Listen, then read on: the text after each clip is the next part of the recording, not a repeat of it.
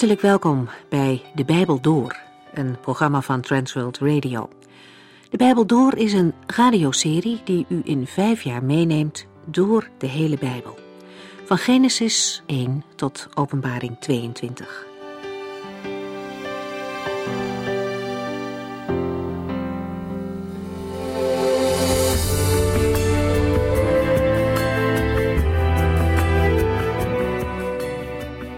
We gaan verder met het Bijbelboek Rut, hoofdstuk 2.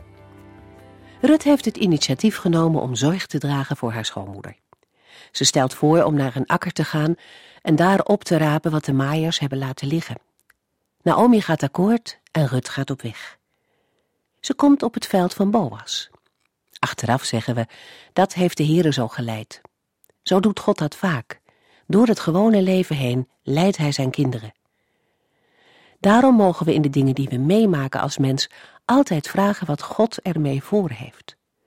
En we mogen vertrouwen hebben dat alles wat er gebeurt meewerkt in het grote plan van God.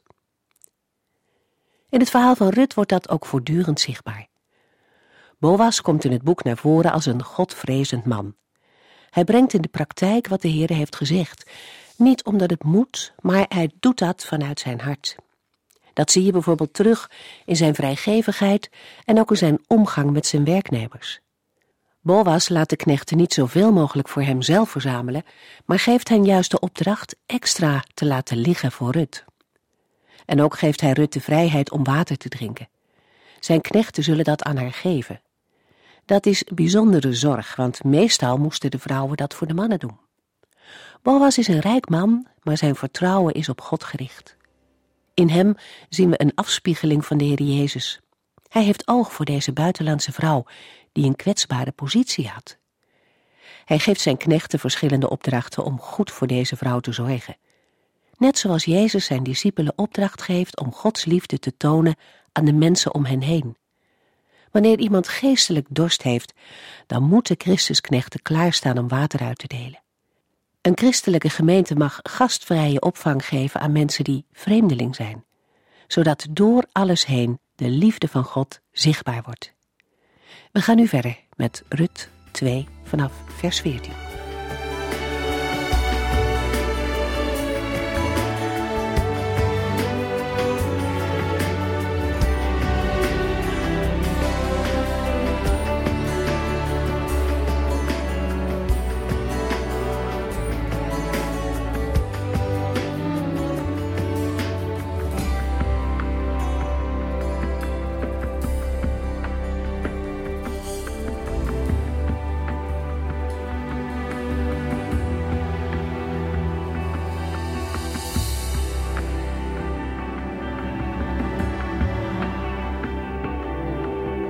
De vorige uitzending hebben we gelezen over de ontmoeting en kennismaking van Boas met Rut. Na de zegen die Boas uitspreekt naar Rut toe, gaat de geschiedenis verder. Rut 2, vers 14. Tegen etenstijd riep Boas haar: Kom, eet met ons mee, er is brood genoeg. Ze ging bij de maaiers zitten en at het geroosterde koren dat hij haar gaf. Ze kreeg meer dan ze op kon. Als de etenstijd voor de werkers van Boas aanbreekt, betrekt hij Rut er direct bij. Hij nodigt haar uit voor een maaltijd. Zo'n maaltijd bestond uit brood dat gedoopt werd in een mengsel van azijn. Vers 14 benadrukt dat Rut bij de maaiers gaat zitten en zo deel uitmaakt van de kring van Boas. Daarbij wordt in het bijzonder vermeld dat Boas haar geroosterd koren geeft als gebaar van bijzondere attentie. In die tijd werd het koren op een vuur geroosterd, waarbij het kaf verbrandde en de korrel gegeten kon worden. Het is een typisch Oosterse tractatie die vooral in de oogsttijd werd gegeten.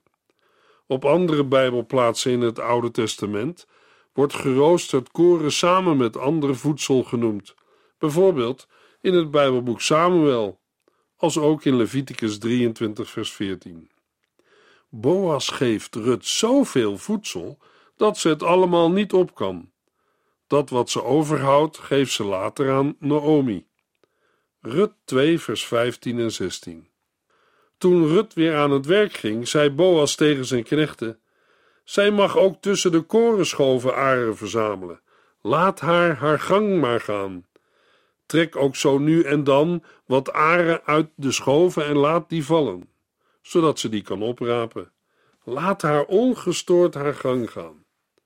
Als Rut weer opstaat om verder te rapen, geeft Boas zijn werkers opdracht haar toe te staan ook tussen de korenschoven of garven te rapen, omdat zij daar meer kan vinden. Normaal was het zo dat de armen die koren kwamen rapen daar niet mochten komen.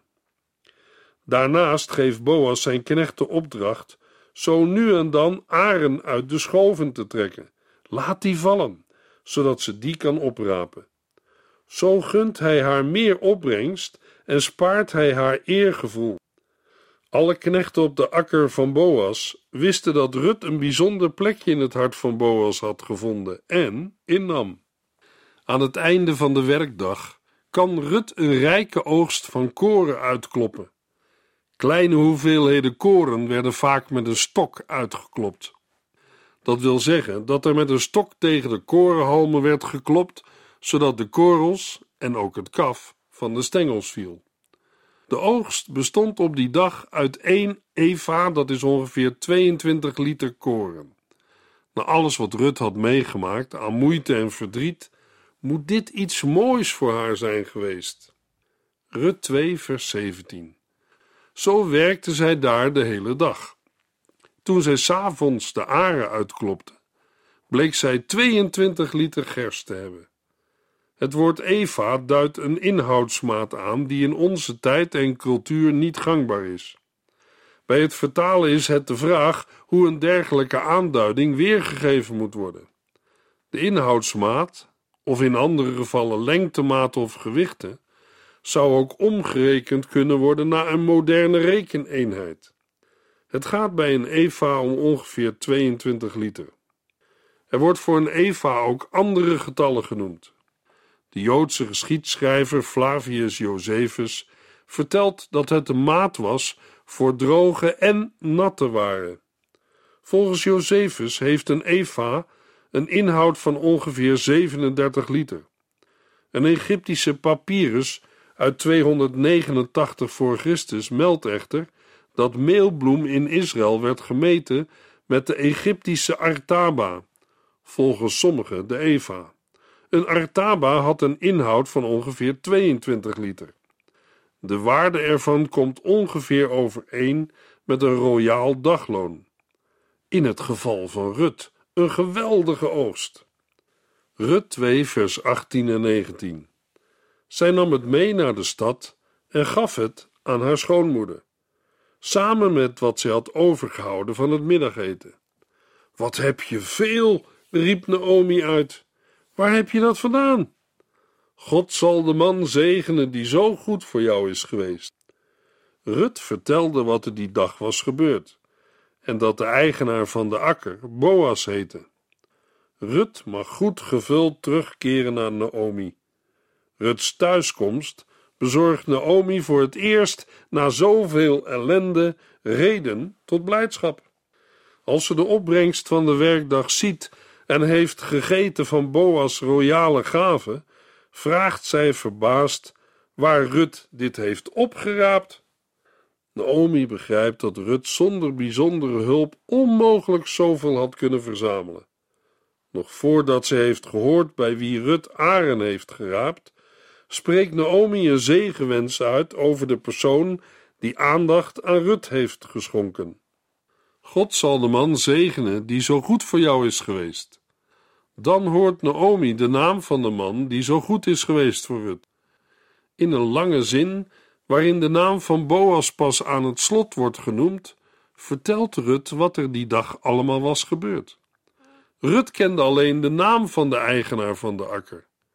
Voor haar is het nog steeds verborgen wie Boas werkelijk is. Maar Naomi weet dat wel. Rut 2, vers 20. Prijs de Heere voor zo'n man, riep Naomi. God is toch trouw aan de levenden en aan de doden. Deze Boas is een van onze naaste familieleden.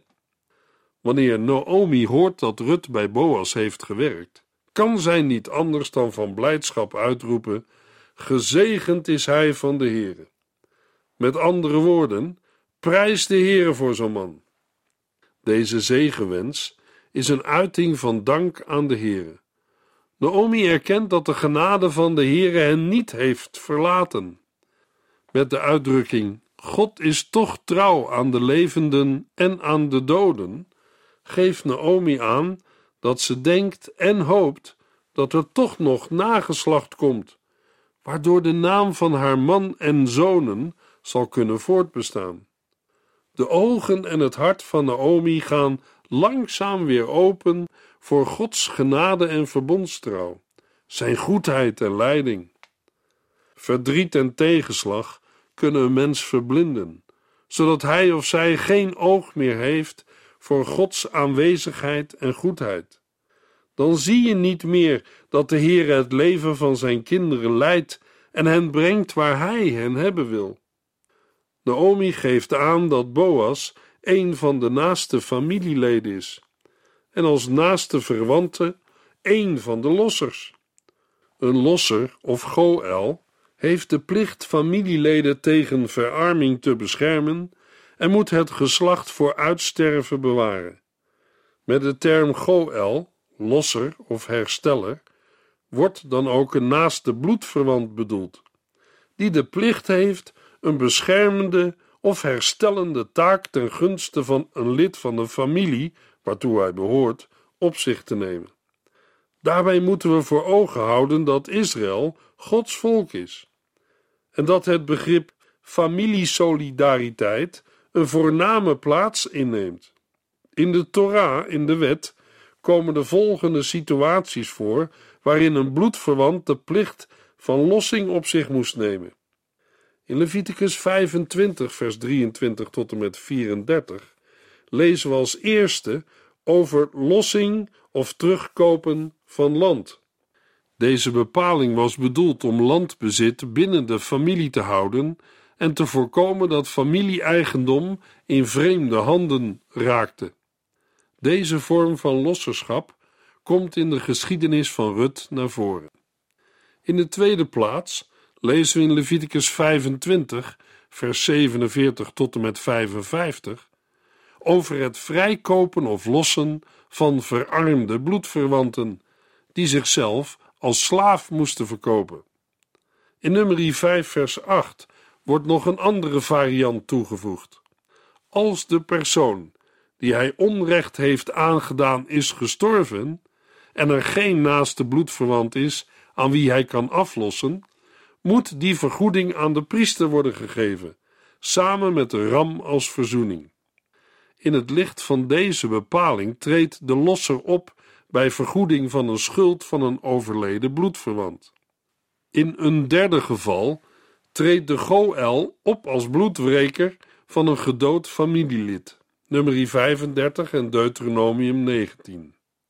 In een aantal gevallen komt het woord broeder voor, dat afhankelijk van het tekstverband ook het begrip bloedverwant kan omvatten. In die zin gebruikt Boas het begrip met betrekking tot Elimelech. Bij het losserschap kan ook de wil en bereidheid van de losser een rol spelen bij de beslissing om zijn verplichtingen tot lossen te vervullen. Ook dit vinden wij in het Bijbelboek Rut. Bij de Goel en het losserschap moeten we ons wel realiseren dat het meer is dan een familieinstelling. We moeten het zien tegen de achtergrond van de Exodus, toen de Heere Israël verloste uit Egypte. Exodus 6. Het begrip Goel wordt in Jesaja 40 tot en met 55 uitsluitend toegepast op de Heere God. Daarmee heeft het losserschap een breder perspectief. De Heere is voor Israël de grote Goel, de losser. In de geschiedenis van Rut blijkt nu, in het licht van de Goel, dat Rut precies naar de juiste akker is gegaan. Want die akker was van een naaste bloedverwant. Alleen, dat wist Rut niet, maar de Heere wel.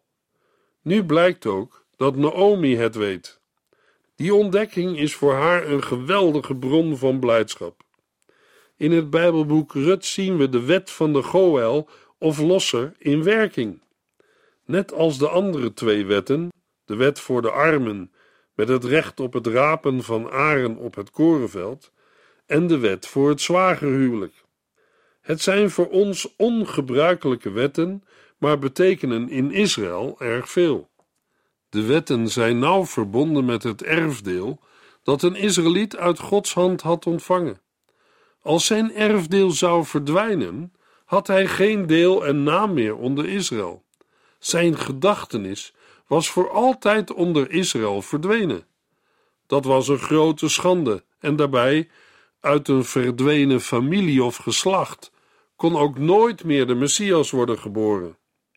Toen de Israëlieten in het beloofde land kwamen, had de Heere hen het land gegeven.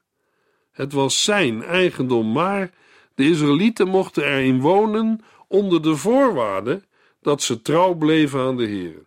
Als ze ontrouw werden, zou de Heer hen uit het land verdrijven, net zoals hij dat gedaan had met Canaanieten en de andere volken. De Heer had gezegd: Het land is van mij, maar ik geef het aan jullie als een blijvend en eeuwig bezit. De Heere gaf Israël het eigendomsrecht, en dat hebben ze trouwens nog steeds. In het beloofde land gaf de Heere iedere stam een eigen erfdeel.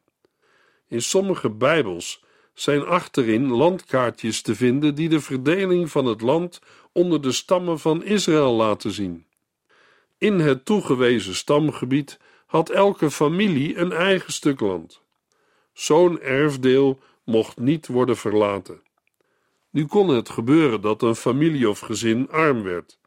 Dat was mogelijk door een aantal misoogsten of andere tegenslagen. In zo'n geval kon hij zijn land tijdelijk verkopen, mits hij zich hield aan de regels van de heren. Dat gold voor de verkoper, maar ook voor de koper. Een van de regels was dat van een volksgenoot geen rente mocht worden gevraagd. Een andere wet was dat in het vijftigste jaar het land weer moest worden teruggegeven aan de oorspronkelijke eigenaar. Denk in dit verband aan de voorschriften met betrekking tot het jubeljaar, Leviticus 25. De wet over het jubeljaar hield het land binnen een familie en stam. Als iemand al op middelbare leeftijd was en dan zijn land moest verkopen, was de kans groot dat hij in het jubeljaar niet meer leefde. Dan zou hij zijn bezit niet meer tijdens zijn leven terug kunnen krijgen. In dat geval kon zijn zoon het erfdeel opeisen op grond van de wet op het jubeljaar. Als een familielid of naaste verwante bereid was om te helpen, mocht die voor de betrokkenen de schuld afbetalen en het land aan de oorspronkelijke eigenaar teruggeven. Dan hoefde er niet op het jubeljaar worden gewacht. De wetten over deze onderwerpen hebben we gelezen en besproken in de programma's over het Bijbelboek Leviticus. Zo wilde de Heere voor zijn volk zorgen en, in voor- en tegenspoed, hun God zijn. Daarbij hadden de Israëlieten zelf de verantwoordelijkheid om Gods inzettingen en verordeningen te gehoorzamen en na te volgen. Met als sanctie dat als ze ongehoorzaam zouden zijn, de Heer hen uit het beloofde land zou verdrijven. En, luisteraar, Gods wetten waren niet alleen van toepassing op bezit maar ook op personen. Leviticus 25, vers 47 en 48. Als een buitenlander die bij u woont rijk wordt en een Israëliet verarmt en verkoopt zich aan die buitenlander of aan familie van die buitenlander, mag hij worden teruggekocht door een van zijn broeders. Het kan zijn dat iemand in erg ongelukkige omstandigheden terechtkomt. Daarbij verliest hij niet alleen zijn bezit, maar moet hij mogelijk zichzelf als slaaf verkopen om zijn gezin in leven te houden. Het jubeljaar kan dan nog ver in de toekomst liggen en zou hij maximaal 49 jaar in slavernij moeten doorbrengen. Leviticus 25 geeft de mogelijkheid van lossing door een naaste verwante. Na de lossing is de man geen slaaf meer, hij is vrijgekocht. Ja, zal iemand vragen, En wat kan ik er vandaag mee? Nou, de oud-testamentische losser, de Goel, is een heenwijzing naar de Heer Jezus Christus. Hij is onze Goel. Van nature leven wij mensen onder de slavernij van de zonde. Wij hebben allemaal een losser nodig. Een verlosser, namelijk Jezus Christus. In Romeinen 8, vers 20 en 21 lezen we: De hele schepping is namelijk onderworpen aan dood en verval, hoewel niet uit eigen vrije wil. God heeft dat gedaan als gevolg van de zonde. Maar er is hoop. Ook de schepping zal bevrijd worden uit de macht van dood en verval en dezelfde heerlijke vrijheid krijgen als de kinderen van God. Dezelfde heerlijke vrijheid terugkrijgen als de kinderen van God betekent dat de mens wordt vrijgekocht uit de slavernij van de zonde. Verlossing betekent de prijs betalen zodat degene die verlost wordt vrijuit kan gaan. Nu stierf de Heer Jezus Christus niet alleen om mensen te verlossen.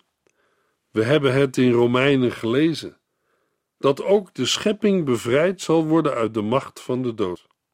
Ook deze aarde zal op een dag bevrijd worden uit de slavernij van de zonde. Dan zal er een nieuwe hemel en een nieuwe aarde zijn. Dat is ook een onderdeel van het verlossingswerk van Christus. In het Oude Testament is Boas het enige voorbeeld van de praktijk van een Goel of losser in Israël. Alle andere voorbeelden gaan over de Heere als losser of Goel van Israël. De geschiedenis van Boas en Rut laat ook duidelijk het motief tot lossing zien. Dat is liefde. We gaan verder met Bijbellezen. Rut 2, vers 21 tot en met 23. Hij heeft ook gezegd dat ik mocht terugkomen. Ik moet vlak achter zijn maaiers blijven tot de oogst voorbij is, vulde Rut aan. Maar dat is prachtig, zei Naomi. Je kunt beter bij hem werken dan bij een ander. Daar zouden ze je misschien lastig vallen. Daarom bleef Rut bij Boas werken. Totdat de gerst en de tarwe waren geoogst, bleef ze bij haar schoonmoeder wonen. Het tweede hoofdstuk van het Bijbelboek Rut eindigt met een gesprek tussen Rut en Naomi over de nadrukkelijke opdracht van Boas zijn akker en binsters niet te verlaten tot het einde van de tarweoogst. Het betekent dat Rut vanaf begin april tot medio juni op de akker van Boas te vinden is. Hierdoor is er voor de komende tijd ook voldoende voedsel voor Naomi en Rut.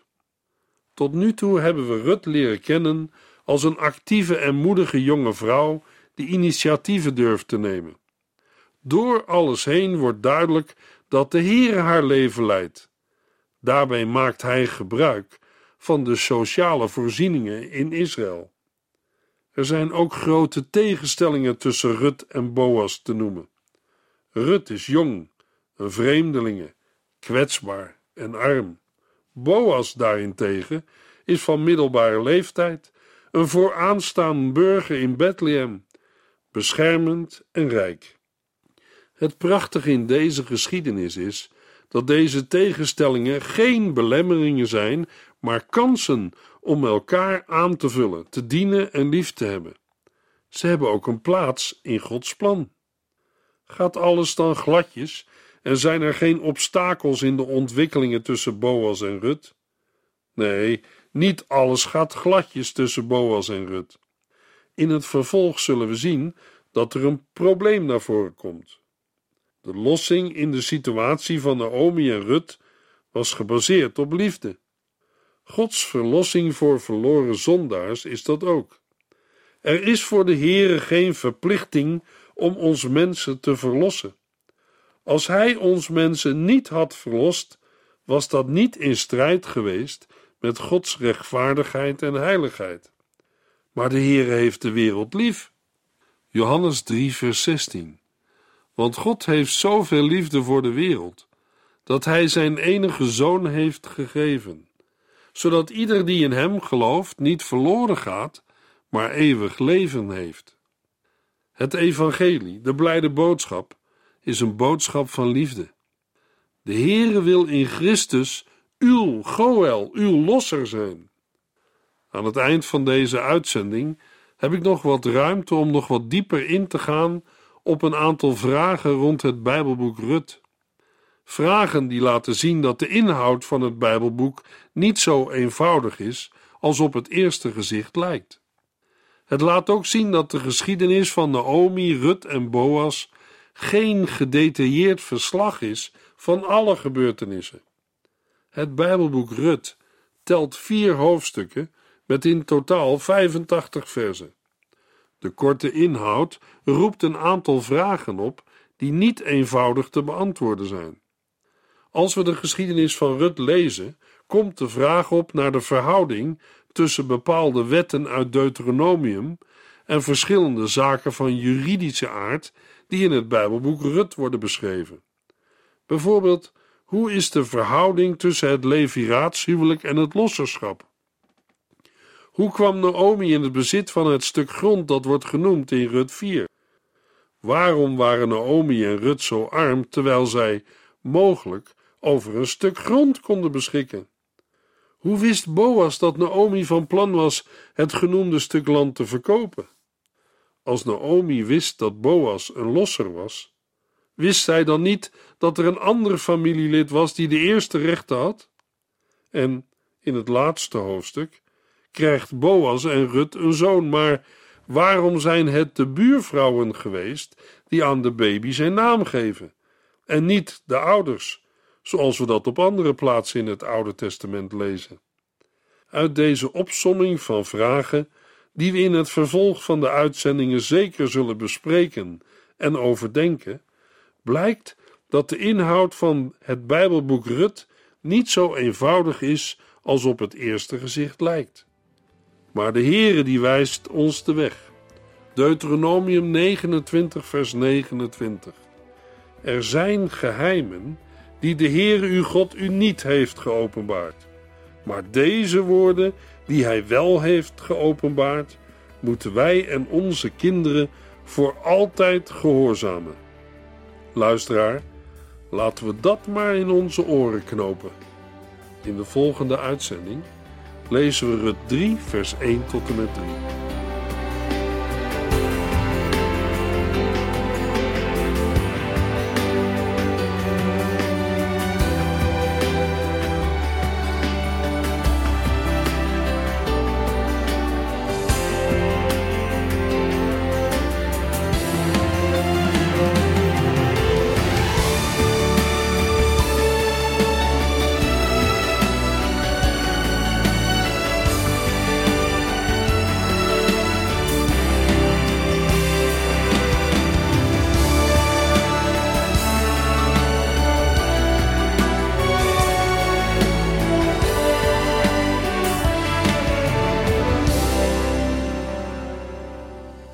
Geluisterd naar De Bijbel Door.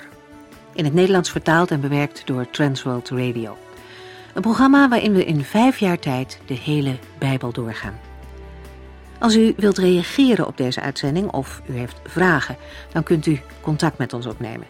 Tijdens kantooruren kunt u bellen op 0342 47 8432. 0342 47 8432. 32. Ook kunt u een e-mail sturen naar de Bijbel door transworldradio.nl en natuurlijk kunt u ook via de post ons bereiken. TWR, postbus 371, postcode 3770, AJ in Barneveld. Dit programma werd gepresenteerd door Cor Weda en Ike André. Techniek was in handen van Odin van Woerdekom. En wij allemaal bedanken u voor het luisteren. Graag tot de volgende keer.